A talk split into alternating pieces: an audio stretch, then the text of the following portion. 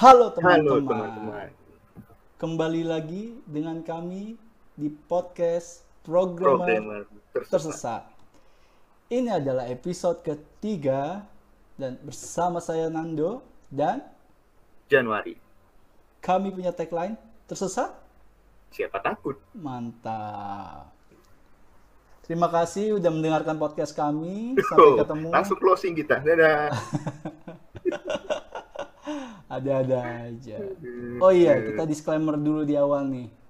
Eh, sebelum mulai ke topik nih Jan, eh, kita mau kasih tahu kalau misalnya teman-teman yang sedang mendengarkan, sorry, gua ralat.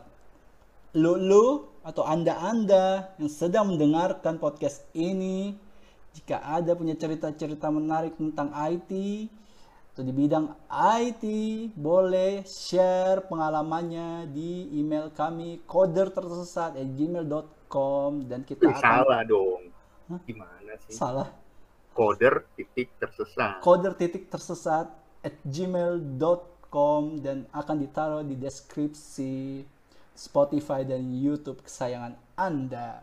Mantap, mantap. Mantap. Nah, eh, sebelum ke topik juga nih Jan, kita bahas current issue atau isu-isu IT yang sedang marak terjadi di Indonesia. Indonesia. Oke, kita sharing. Kita share screen nih. Share screen dulu Oke. nih Jan. Share screen, share screen. Mana nih gua? Seluruh layar. Ah, mantap. Bentar. Udah udah kelihatan Jan? Sudah, sudah, sudah. Udah. Kita mulai dari ini dia. Jaringan 10 kementerian dan lembaga negara Indonesia diduga diretas hacker Cina. Kita ambil artikelnya dan beritanya nih di kompas.com ya. Bisa dilihat. Kelihatan nggak Jan? Kelihatan dong. Oke. Sekelompok peretas dari Cina dikabarkan telah berhasil membobol sistem jaringan internal milik 10 kementerian dan lembaga negara Indonesia, termaksud milik Badan Intelijen Negara. Gila gokil. Hal itu Gila. mencuat, bentar, bentar ya. Hal itu mencuat berdasarkan laporan terbaru dari sekelompok peneliti keamanan internet milik media internasional The Record Insight Group gitu.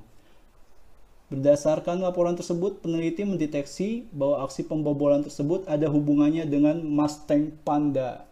Mustang Panda sendiri konon dikenal sebagai kelompok peretas asal Cina yang biasa melakukan aktivitas mata-mata di dunia maya. Target operasinya sendiri berada di wilayah Asia Tenggara. Oke. Dejan sampai situ aja. Mau dibaca sampai habis ini. Panjang. Terkait serangan dari Mustang Group sendiri, Insik Group mengatakan mere- mereka pertama kali menemukan aktivitas pembobolan ini pada bulan April lalu, April ya. Pada saat itu mereka mendeteksi bahwa server pengendali perintah CNC milik grup Mustang Panda yang menjalankan malware berjenis PlugX berkomunikasi dengan beberapa host yang kemungkinan telah terinfeksi dalam jaringan internal milik pemerintah Indonesia. Malware PlugX merupakan aplikasi backdoor yang bisa mengambil alih sepenuhnya komputer yang disusupnya. Saat komputer atau server terinfeksi PlugX, pengirim malware dapat mengendalikan dan mengirim sejumlah perintah dari jarak jauh. Aktivitas tersebut kemudian ditelusuri ternyata diklaim telah berlangsung sejak Maret. Maret, oke. Belum jelas apa yang diincar Mustang Panda dan bagaimana metode pembobolan yang dilakukan peretas tersebut untuk menerobos sejumlah jaringan internal pemerintah Indonesia tadi. Tidak disebutkan pula kementerian dan lembaga negara Indonesia apa yang menjadi target Mustang Panda ini di samping bin. Eh, Udah lah, udah, udah cukup. Itu apa ya? melapor dan terus direspon itu apa tadi bawah? apa nih? Lapor dan belum direspon.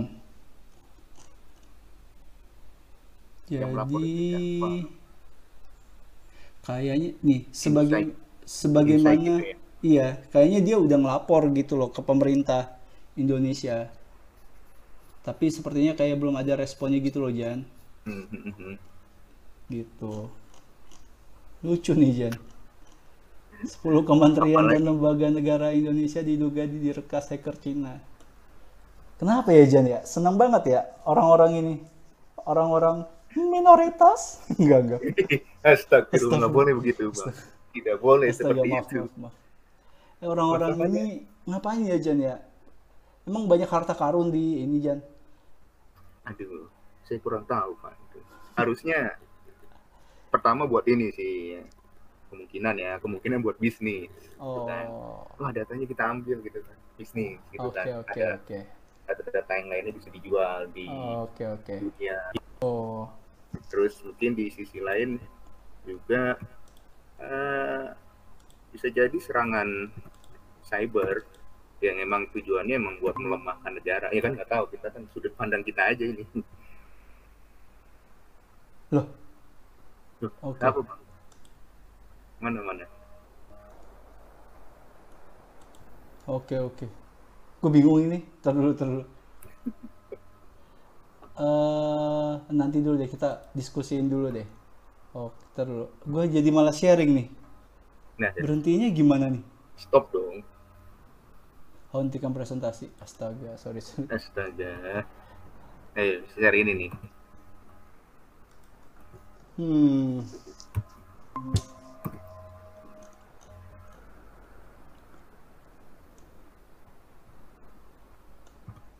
Gimana gimana, Bang? Enggak, masalahnya Bin juga bisa kebobolan gitu. Ya, Lucu, lucu men. Lucu aja. Dia badan ya? intelijen. Yang di Iya, intelijen kan maksud gua eh, lembaga kuat yang ya. kuat banget gitu loh. Tapi kenapa Ada bisa aja. kebobolan? Waduh. Mungkin lagi tidur kali yang jaga kayak itu. Kayak apa ya? Nggak tahu.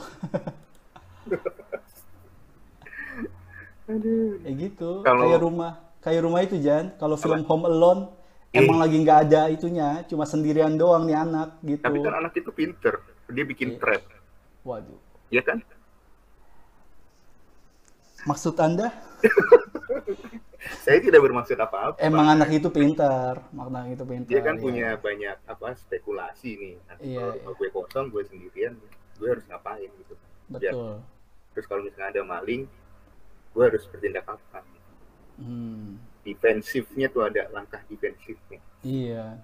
Harusnya mungkin Ya, ya. mungkin mereka punya kita nggak tahu kan. Namanya bin kan rahasia. Iya. Hmm, kalau disebar-sebar sebenarnya mereka punya senjata rahasia untuk defensifnya kan Iya. jadi ketahuan nama si panda ini. Nanti bisa di ini semuanya disusupi semua ya. iya. Gila. Tapi kalau melihat fenomena-fenomena meretas-meretas ini sekarang lagi marak ya. Yang kemarin itu kan nomor induk KTP-nya Pak Jokowi loh. Itu bisa tersebar loh. Dan Iya. aplikasi e Kemenkes itu bisa jebol. Dan kenapa aplikasinya dihilangkan? Kenapa? Kenapa tidak ditelusuri datanya itu ke mana? mereka juga bingung Jan mungkin mungkin ya ini asumsi aja ini kalau salah jangan diserang ya guys kita nggak tahu apa-apa nih mereka juga kalang kabut jadi untuk me- meredamkan apinya ya udah hilangkan dulu gitu Datanya ke mana? hmm. Eh, Pak, itu data presiden, Mbak. waduh, Aduh. Presiden kita datanya diacak-acak loh. baru baru kali ini udah udah Jan kita jangan bahas ke sini bahaya men men Astaga. Aduh, lembaga-lembaga ya semoga lembaga-lembaga negara ini bisa memberikan proteksi Penjelasan.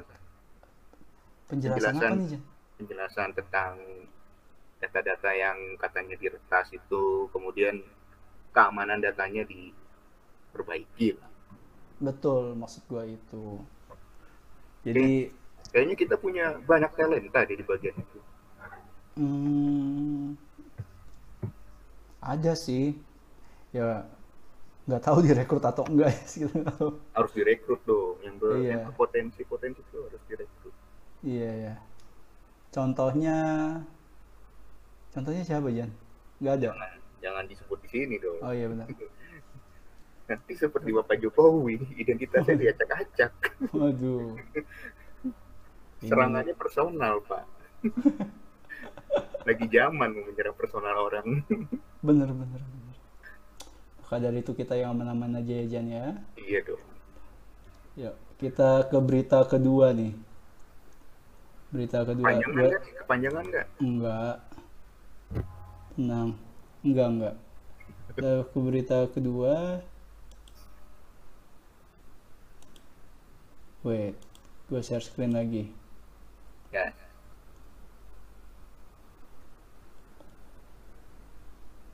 udah udah dah. Di agak gedein dong biar terlihat. Nih dengan IT nih. Ini udah kelihatan Jan? Udah udah. Oke. Mungkin bisa di zoom lagi bang biar lebih terlihat sip sip sip sip sip sip. Udah udah udah. Cukup? Oke. Nih ya, Icon Plus bakal gabung Telkom, ICT Institute, kualitas bisa meningkat. Apa nih maksudnya nih ya? Kita ngambil beritanya dari bisnis.com ya. Eh, penggabungan PT Indonesia Comnet Plus alias Icon Plus ke dalam ekosistem PT Telkom Indonesia Tbk TLKM diyakini bakal membuat posisi BUMN makin kuat dalam menghadapi persaingan dengan non BUMN di sektor telekomunikasi. Dari sisi kualitas layanan dan kuantitas panjang serat optik dan aset bakal meningkat pesat. Direktur Eksekutif ICT Institute Heru Sutadi mengatakan saat ini persaingan antara perusahaan telekomunikasi BUMN dengan non BUMN cukup kompetitif. Integrasi infrastruktur antara perusahaan BUMN akan memberikan keuntungan bagi perusahaan BUMN untuk menghadapi ketatnya persaingan. Tentu jaringan akan bertambah secara kuantitas dan kualitas, kata Heru. Sekedar informasi, Telkom baru saja merilis laporan keuangan. Ya Allah, ini mah nggak usah ya. Laporan keuangan kita sebutin juga nih, Jan. Gue udah tahu pasti Jangan dong. meningkat. Iya kan. Eh, jadi intinya mereka mau dilebur ya, Jan. ya Tapi Jan, eh eh, eh, si Icon Plus ini kan berarti kan biar di under Telkom agar PLN fokusnya ke listrik kan. Ini kan berarti kan anak perusahaannya PLN kan ya Jan ya? Berarti. Benar nggak sih Jan? Betul. ya Nah, eh tapi lu ada nggak sih teman-teman lu yang udah nyoba ini Jan? Icon Plus Jan? belum sih belum ada gue Emang gue ini tahu aja sih dari Oh. dulu udah ada gitu cuma temen-temen gue nggak belum ada yang make Oke oke. Tapi udah ininya, udah ada loh Jan pita serat optik jaringannya gitu loh Jan. udah udah ada dia buat ini kemungkinan nih buat Rumahan. Bukan buat kantor-kantor kantor besar lembaga-lembaga besar I see, I see, I see. Gue kira kalau mereka digabung, kita internetnya bisa ngeluarin listrik gitu loh Jan. bapak mau nyerang siapa pak internet ada listriknya Enggak, enggak ada. Tidak ada, tidak ada, tidak ada. Aduh. Itu Jan, current issue, current issue yang eh terjadi untuk minggu ini. Gila. Current issue loh kita. Kapan lagi kita bahas current issue, current issue yang sangat happening ini? Yang satu dibobol, yang satu gabung. aduh. Terus eh, udah current issue nih Jan, kita akan ke topik nih Jan. Apa nih apa topiknya? topik kita Topik kita apa sih Jan? topik kita itu untuk episode ini adalah ngapain aja sih di IT Asik. ngapain lo di IT tuh ngapain gitu Iya iya iya iya. membuang-buang waktu depan laptop tuh ngapain saya influencer pak jadi butuh seperti itu ya. Podcast episode 3 udah ngaku influencer gila, gila emang. yang nonton ada. tidak lebih dari 100 tapi udah sombong yuk Gila, gila, gila. Gila. Oke, gila lu Chan, Chan. Aduh. Bicara oke ngapain jadi aja sih gimana ini? nih tadi bahasan kita kembali ke bahasan kita hmm, hmm. ngapain sih di IT Ngapain sih di IT ya? Ngapain aja ya? eh mulai dari mana Jan? Lu apa gue? Ya kita ngobrol bebas aja. Bebas aja ya. Gitu. Ngapain aja sih di IT tuh? Kalau gua di awal-awal lulus itu eh, bikin-bikin Jangan- website. Jangan setelah lulus dong di, Di mana? waktu lu di kampus Oh Lu di kan kampus. di kampus lah lingkungannya baru setelah itu waktu dulu sih. Oh, Ngapain gitu di IT itu apa sih yang dipelajarin gitu di IT? pasti di awal kalau di kampus eh gua nggak tahu ya Jan, pas di gua eh, kurikulumnya di kampus di kampus tuh di awal eh, bicara bagaimana eh, belajar pemrogramannya gitu. Stepnya seperti itu. Nah, Hmm. Kita bikin aplikasi-aplikasi sederhana lah gitu. Kayak eh, disesuaikan materi. Kalau lu belajar pemrograman kayak materi eh, ko- apa pengkondisian gitu kita belajar bagaimana membuat bilangan aplikasi bilangan ganjil genap seperti itu. Tergantung setiap materi pemrogramannya. Udah nih abis itu kita belajar eh, analisa analisa suatu bukan analisa ya. Awalnya database-nya dulu Jan step. Hmm. database belajar tuh query-query lucu tuh. Yang awalnya kita nampilin data dengan satu table aja gitu. Lama-lama semua table kita tampilin. Aneh aja ya Jan ya. Maksud gue udahlah cukup lah gitu loh.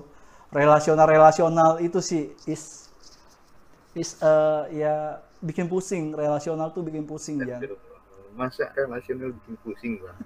Lu kan butuh hubungan juga, relasional kan hubungan. Masa lu pusing dengan satu hubungan satu dengan hubungan yang lain? karena dosennya nggak enak kalau dosennya enggak Anda kalau ini ditonton sama Pak Mas eh, eh bukan dia dong beda lagi dong kita jangan sebut merek dosennya bahaya.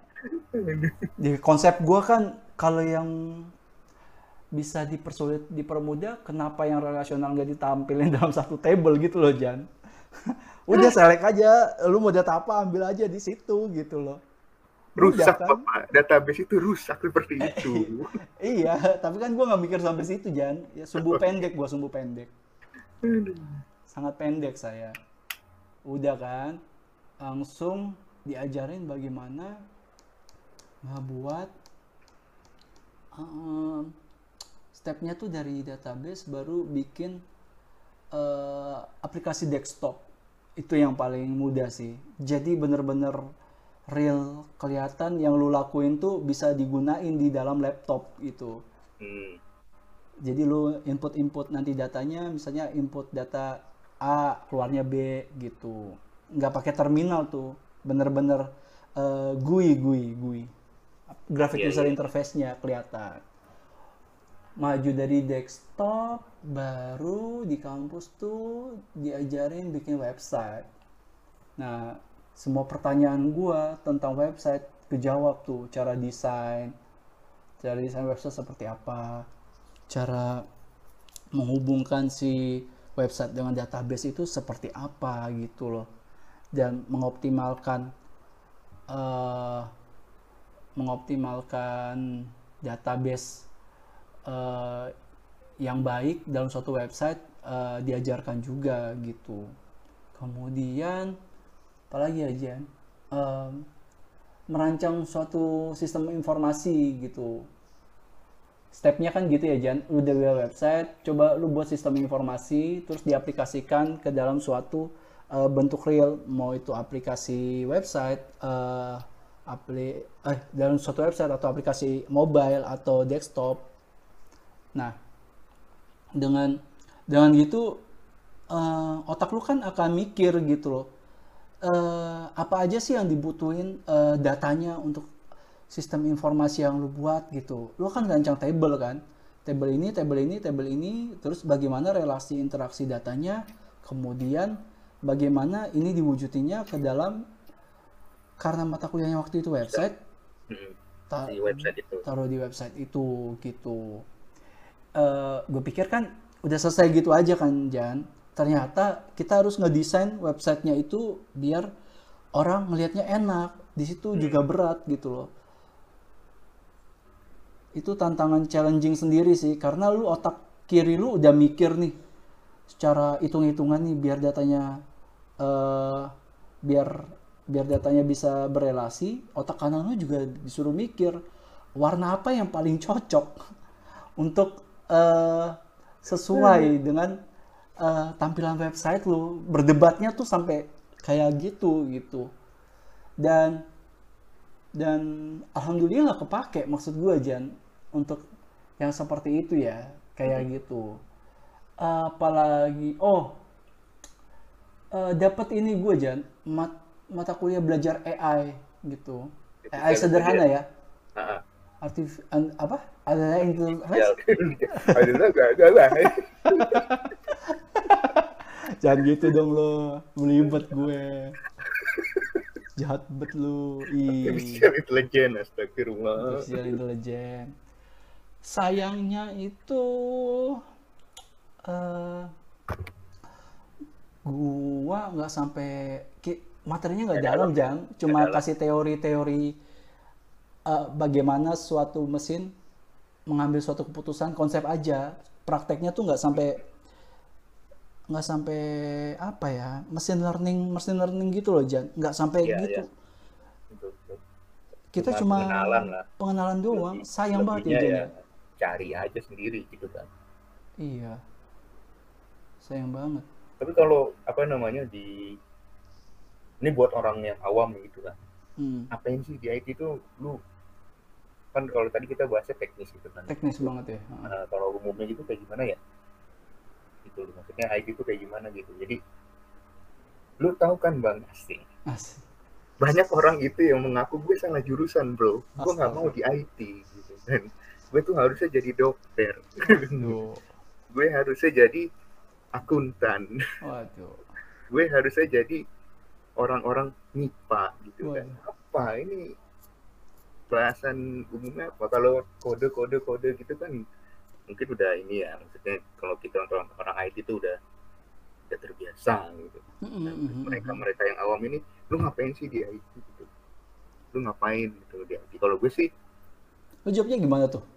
jawabnya ya lu di IT mengikuti perkembangan zaman gitu loh. Iya, iya. apa yang dibutuhkan gitu loh apa yang dibutuhkan. Nah lo ngelihat kita di IT itu mungkin berinteraksinya sama laptop segala macam. Toh ujung-ujungnya sekarang kalian semua juga berhubungan dan menggunakan laptop tiap hari. Nggak cuma orang IT gitu loh. Hmm. Nah, kalau ditanya lu ngapain? Nah gue ngapain adalah gue membuat sesuatu yang lu buat sekarang yang lu pakai sekarang. Iya. aplikasi apa sih? Gitu kan nanti tanya lagi ya lu belanja online pakai apa? Betul, betul. terus lu buka media sosial pakainya apa? Tuh jadi apa yang dipelajarin di IT itu adalah apa yang sedang lu pakai saat ini gitu apa yang teknologi yang lu pakai saat ini. Iya. dan IT itu luas gitu. Nggak cuma sebatas eh, coding segala macem.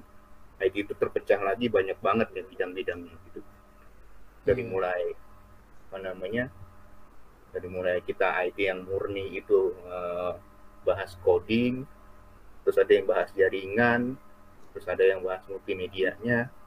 Apalagi sekarang dipecah lagi itu untuk TI itu dipecah lagi jadi ada artificial intelligence. Ya. untuk yang jaringan juga dipecah lagi ada namanya security jaringan. Jadi makin luas gitu dan semuanya lu pelajarin gitu di IT gak cuma mungkin sebagai orang IT basicnya emang kode gitu makanya dikenalkan dengan kode gitu. Benar. Nah, ketika lo belajar di dalam itu dari mulai lo belajar marketing juga nanti ada kan dulu eh, mata kuliahnya itu ada Iya, ada, ada. terus desain lo diajarin gitu kan jaringan lo diajarin terus bisnis diajarin terus pengenalan ke bidang-bidang lain yang berkaitan tuh diajarin kayak misalkan artificial intelligence itu kan bisa berkaitan dengan kesehatan Betul. Terus dengan apa namanya bisa bicara juga dengan orang-orang statistik dan lain-lain dan kalau gue bilang kalau lu mikir IT itu cuma ah goalnya begini-gini doang ah cuma bikin web bikin web doang no no Hmm, IT hmm, itu hmm. luas coy ketika lu masuk ke dalam IT sudut pandang lu tuh berubah di bidang-bidang lain.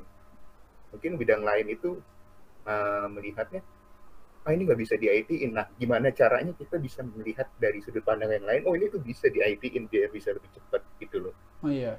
Dan itu kan mimpi orang orang tua kita dulu ya, gitu kan orang tua orang tua kita mimpinya kayak gitu. Jadi apa yang dipelajarin di IT itu adalah semua bidang lo, semua bidang yang berjalan saat ini cuma lu berpikirnya secara digital gitu aja betul betul itu nah nanti pembelajaran teknisnya tadi dia dijelasin sama uh, bang Ando gitu kan. Betul. itu teknisnya seperti apa di IT kayak gitu seperti itu kurang lebih. Cuma uh, secara luas IT itu adalah semua bidang lo semua bidang yang kalian dapatkan yang lo lo pelajarin yang lo lo apa singgung selama ini. Cuma lu melihatnya dari sudut pandang digital gitu. Jadi jangan pernah berpikir gue salah masuk jurusan oh gue nggak mau salah jurusan. Enggak gitu sih.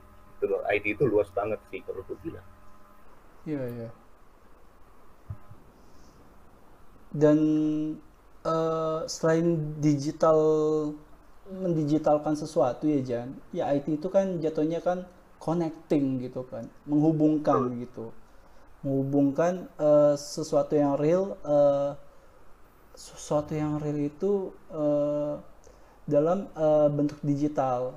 Ibaratnya aja uh, kita bisa analisa dari Gojek ya Jan ya. Gojek kan sebenarnya connecting menurut gua ya. Ya kebutuhan sama uh, apa namanya stok lah yang ada. Betul. Lu butuh apa nih gue punya barangnya. Ini lu, lu butuh apa gue punya ininya jasanya gitu. Itu sebelum ada gojek Jan gue mesen ojek orang nembak sesuka hati Jan sama bang lu bayangin aja coba dulu gue dari Monas ke Sarina iya. tahun 2011 iya. lima puluh ribu bang Waduh. jalan kaki cuma 15 menit Tapi kondisinya macet itu atau enggak, jam kerja? Enggak macet. Enggak.